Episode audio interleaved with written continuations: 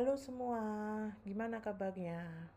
Ketemu lagi ya uh, sama saya di podcast ini. Uh, mungkin kayaknya udah lama ya saya nggak bikin podcast. Um, Oke okay lah, uh, sebenarnya ini bikin podcast karena bingung aja sih ngapain di hari pertama pemberlakuan PPKM darurat tanggal per tanggal 3 Juli 2021 plus mumpung suasana di daerah rumah lagi sepi sih um, ya sebenarnya sih nggak um, ada kerjaan. Harusnya sih nulis uh, jurnal bikin revisian jurnal yang kemarin disuruh ngedit gitu dan lain sebagainya. Tapi ya udahlah ya uh, adaptasi lagi lah sama sikon kayak gini.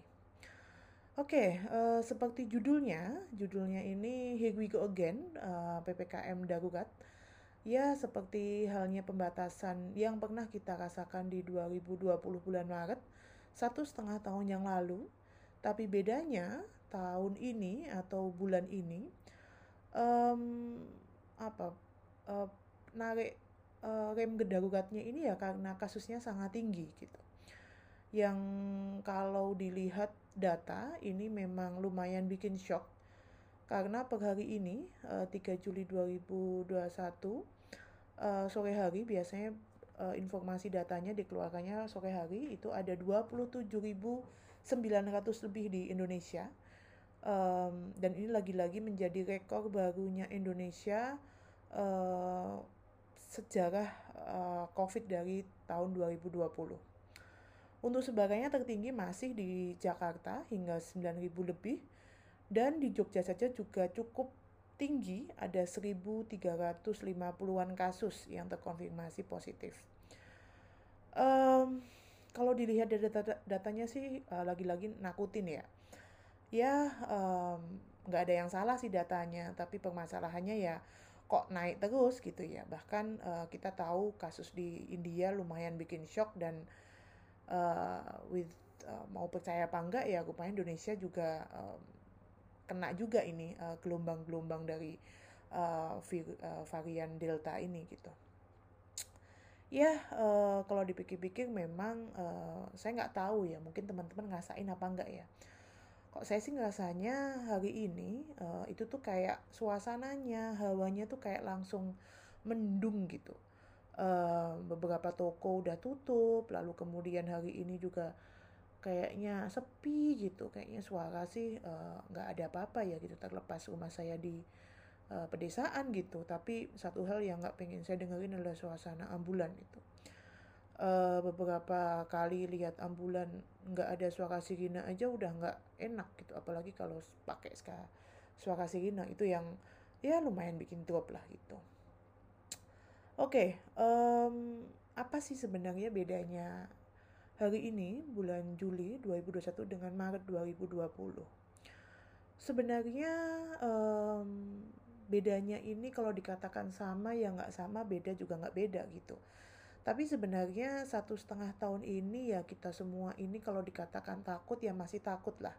Saya di sini nggak akan ngomongin tentang konspirasi atau nggak akan ngomongin sama orang yang nggak percaya COVID, tapi ya the real fact-nya virus ini ada gitu dan um, kalau dikatakan mungkin dengan berjalannya waktu satu setengah tahun ini kita semua mungkin perlahan mulai mempelajari sih gitu.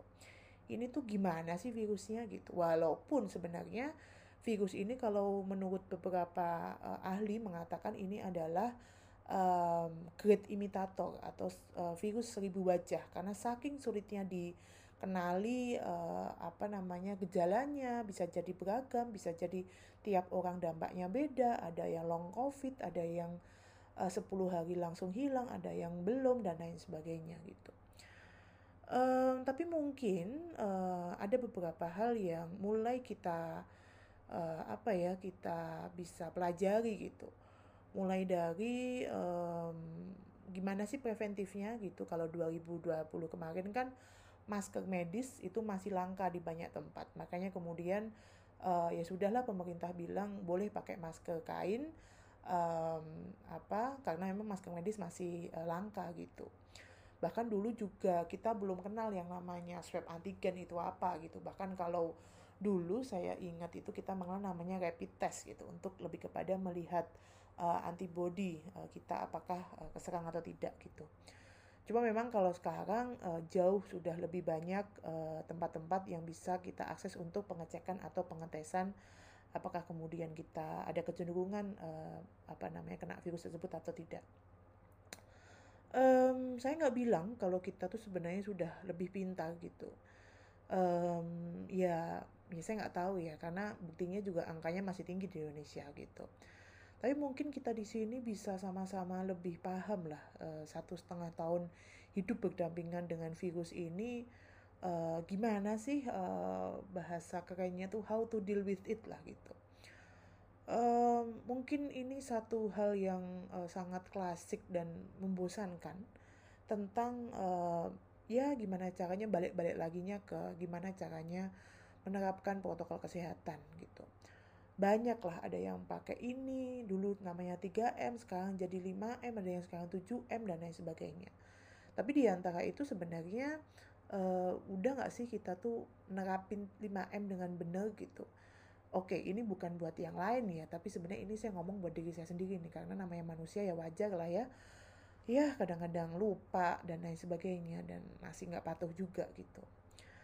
Um, yang kayaknya kecil itu adalah tentang uh, apakah kita tuh udah rajin nggak sih kalau kita tuh cuci tangan pakai sabun lalu kemudian uh, atau kemudian kalau in case nggak ada ya berarti pakai hand sanitizer gitu.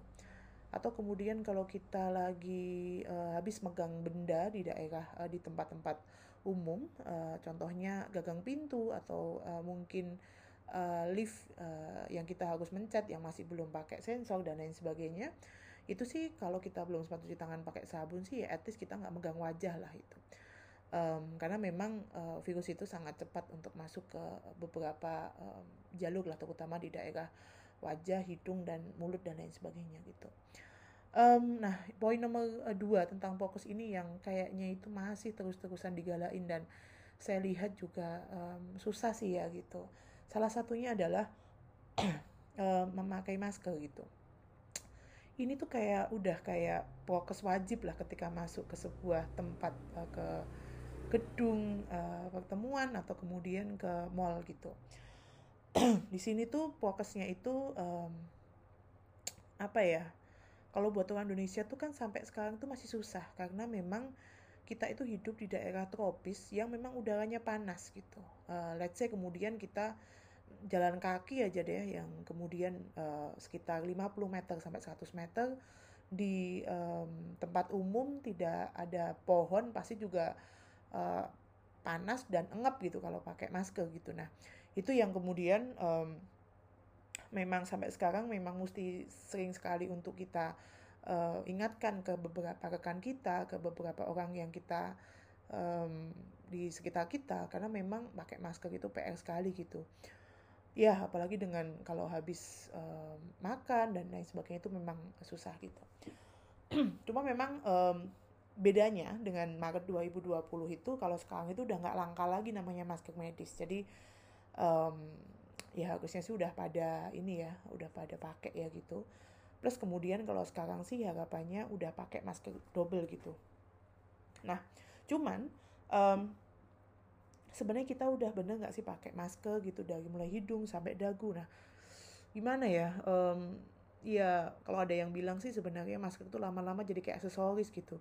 Yang penting dikalungkan ditaruh di dada gitu yang seakan-akan pakai atau kemudian uh, ditaruh di dagu gitu seakan-akan uh, hidungnya di dagu gitu dan lain sebagainya lah gitu. Nah cuma emang poin poin pakai masker ini hmm, um, masih belum jadi budaya lah hingga sekarang. Cuma memang uh, eh, PR banget lah um, buat kita semua gitu. Jadi ya saling ingetin aja gitu. Termasuk saya kalau lupa pakai masker ya ingetin aja gitu.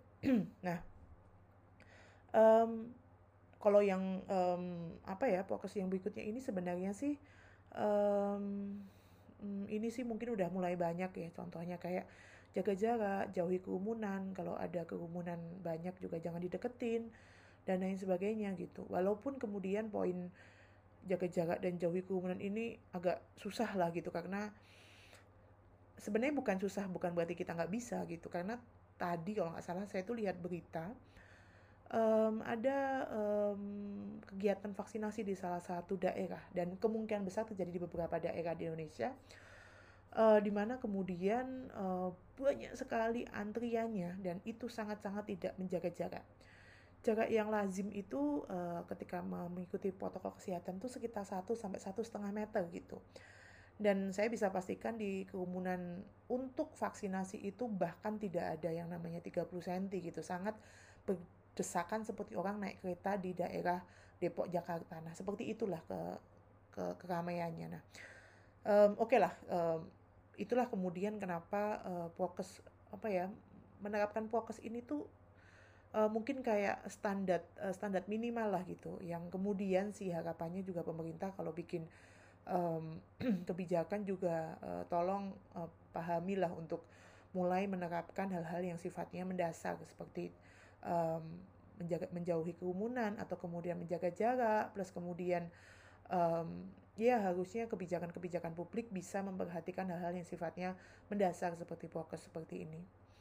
Uh, toh pada akhirnya uh, vaksinasi itu kan harapannya untuk me menekan uh, angka penularan gitu. Tapi kalau kemudian kegiatan vaksinasi dilakukan dengan menumpuk manusia sebanyak itu dalam satu waktu, itu bukannya kemudian manggil virusnya untuk uh, datang gitu ya, dibandingkan kemudian melakukan tindakan preventif dengan vaksinasi. Well, uh, ini memang masih jadi PR bersama di Indonesia.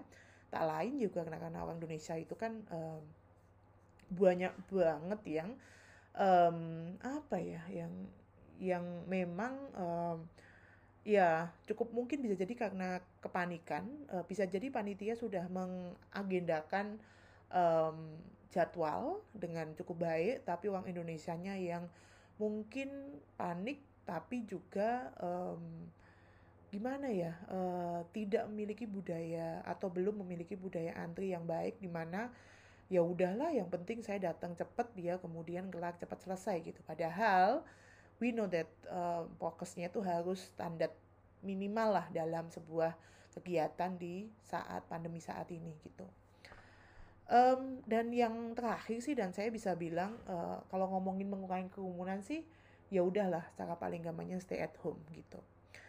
Um, cuman kalau ngomongin tentang covid ini ya gitu ada satu hal yang menarik dan um, let's say kita ngomongnya adalah satu hal yang dekat dengan sesuatu yang ini sangat normal yaitu kepanikan gitu. Um, apa ya kita bisa namakan ini adalah uh, public uh, uh, panic lah gitu atau kepanikan publik gitu. Gimana kalau kemudian uh, dulu ketika ada kasus cuma ada dua kasus di Indonesia pertama kasus ditemukan di Depok itu langsung heboh gitu. Kepanikan kepanikan itu tuh sebenarnya uh, let's say kita bisa bilang karena kita tuh nggak paham kenapa sih sampai heboh ya. Bisa jadi karena kita tuh nggak kenal virus ini kita udah terlanjur dengar di Cina ada kehebohan dan lain sebagainya dengan banyak yang meninggal dunia di di jalan dan lain sebagainya gitu. Cuma memang um, somehow uh, kita tahu bahwa um, virus ini tuh sebenarnya juga selain kena fisik um, let's mungkin uh, hingga hari ini ya saya mungkin uh, mungkin bisa jadi pernah kena atau mungkin uh, apa mungkin karena saya nggak tahu gitu sejauh ini sih belum terkonfirmasi gitu tapi bisa jadi yang saya sudah rasakan itu adalah lebih kepada uh, psikisnya gitu karena memang bukan apa-apa karena memang yang di uh, terus-terusan di uh, dinaikkan itu adalah uh, betapa kemudian virus ini menakutkan. Di satu sisi yang kena adalah psikis kita. Ketenangan jiwa, ketenangan batin di mana kemudian itu kalau terkoyak hancur juga lah itu imunitas kita gitu. Nah, padahal ending-endingnya ya mesti jaga kekebalan tubuh gitu. Um, let's say kemudian kita bisa bilang um, itu mulai terjadi ketika banyak kasus yang jadi jadi di sekitar kita rekan kerja kita atau mungkin teman atau mungkin saudara keluarga yang mungkin satu uh, dua uh, mulai terkonfirmasi uh, positif gitu. Lalu kemudian terjadilah yang namanya tracing dan memang tracing ini salah satu hal yang harus memang dilakukan untuk segera memutus rantai um, uh, virus ini gitu. Cuma emang kita mesti tahu bahwa sebenarnya apa sih definisi kontak erat itu gitu. um, kontak erat itu sebenarnya um, kalau kita bisa bilang kontak erat itu uh, kalau kita kena dari orang yang um, apa kontak erat dengan kita gitu kontak erat itu ketika kita melakukan uh, perbincangan di mana kemudian ada pertukaran droplet di uh, antara beberapa orang uh, dalam satu ruangan biasanya sih ruangan tertutup gitu ya uh, dengan jarak kurang dari satu sampai satu setengah meter dan tanpa masker, tanpa menggunakan masker dengan durasi kurang lebih 15 menit gitu. Jadi uh, ini ini saya berbicara, berbicara dalam kasus yang lebih umum ya gitu kan. Katanya kalau di varian Delta itu katanya kita bisa kena bahkan hanya berpapasan sampai 5 sampai 10 uh, detik gitu. Tapi uh, lagi-lagi kata kuncinya sebenarnya ada di ada di bagian pemakaian masker. Nah, um, itulah kenapa kemudian uh, apa um, memang tidak bisa dipungkiri uh, salah satu cara yang paling maju untuk untuk memotong kasus ini adalah dengan terus pakai masker termasuk kemudian uh, dokter menganjurkan untuk tidak melepas masker di tempat makan uh, tentu saja kecuali makan ya gitu um, itu uh, kalau kalau sekarang sih mungkin baiknya sih take away aja lah ya gitu um, kita tidak boleh melepas masker terlebih ketika kita berbicara dengan orang lain yang juga tidak satu rumah dengan kita gitu. Nah itu um, anjuran dari dokter untuk kemudian kita uh, ada baiknya bahkan dalam um, aturan di ppkm darurat ini mengatakan bahwa dalam beberapa pertemuan tidak ada baiknya tidak uh, makan dan minum di uh, daerah umum atau di tempat uh, yang berkumpul banyak orang uh, karena kata kuncinya di bagian melepas masker gitu. Atau sederhana kayak gini aja deh. Aduh panas banget nih, malas pakai masker ya udah di rumah aja. Mungkin itu uh, apa uh, apa ya um, wise uh, apa ya kata-kata yang kemudian pada akhirnya ya paling gampang lah gitu untuk kondisi saat ini ya udahlah ya di rumah aja gitu mungkin itu ya um, saya nggak tahu nih hari ini saya ngomong apa cuman um, cuma memang um, 2021 ini dulu kita pernah mikir nggak sih kalau 2020 kita mikir iya deh dua bulan tiga bulan habis lebaran gitu. Terus ya udah akhir tahun naik lagi gitu.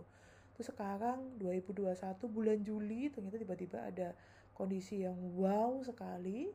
Dan bahkan kita nggak tahu ini akankah kejadian lagi karena biasanya kasus terjadi eh, kasus peningkatan saya ingat sekali tahun 2021 bulan Januari itu Indonesia maka, uh, mencapai rekor tertinggi itu di angka 14 sampai 15 ribu dikarenakan banyak orang yang um, bepergian ke luar kota dulu banyak sekali ke Bali ke daerah Bali um, dan itu uh, signifikan kenaikannya kalau kali ini juga signifikan ada yang bilang karena dampak uh, mudik lebaran plus kemudian uh, ada varian baru dari India itu namanya varian Delta. So, um, apa ya? Ya intinya kemudian uh, to not predict too far lah ya gitu. Mungkin nggak usah berekspektasi terlalu jauh lah tentang banyak hal gitu karena memang I don't know mungkin banyak hal yang punya banyak uh, rencana lalu kemudian sudah uh, ya satu dua mungkin berubah karena kondisi pandemi ini gitu uh, saya sendiri juga punya satu dua rencana yang ternyata uh, cukup runyam dan harus berubah dan cancel karena pandemi ini gitu. Cuman memang ya disisit lah gitu. Ya kondisinya harus seperti ini. Uh, mari kita apa ya empati mungkin ya sama yang sedang uh, sakit atau kemudian uh, kalaupun tidak uh, kalaupun dia tidak sakit mungkin dia ada kondisi lain uh, karena PHK atau pemotongan gaji dan lain sebagainya yang kemudian untuk uh, ya saling memanusiakan manusia lah ya di kondisi saat ini. Oke, okay, uh, makasih ya yang mau dengerin sampai akhir gitu. Saya nggak tahu ada nggak ya dengerin omongan saya sampai akhir ini. Cuman um, overall sih um, ya um, tetap sehat uh, tetap waras, stay healthy and stay sane dan uh, uh, ya semoga kita bisa melewati ini dengan baik dan uh, ya menjadi orang yang lebih baik juga lah ya. See you.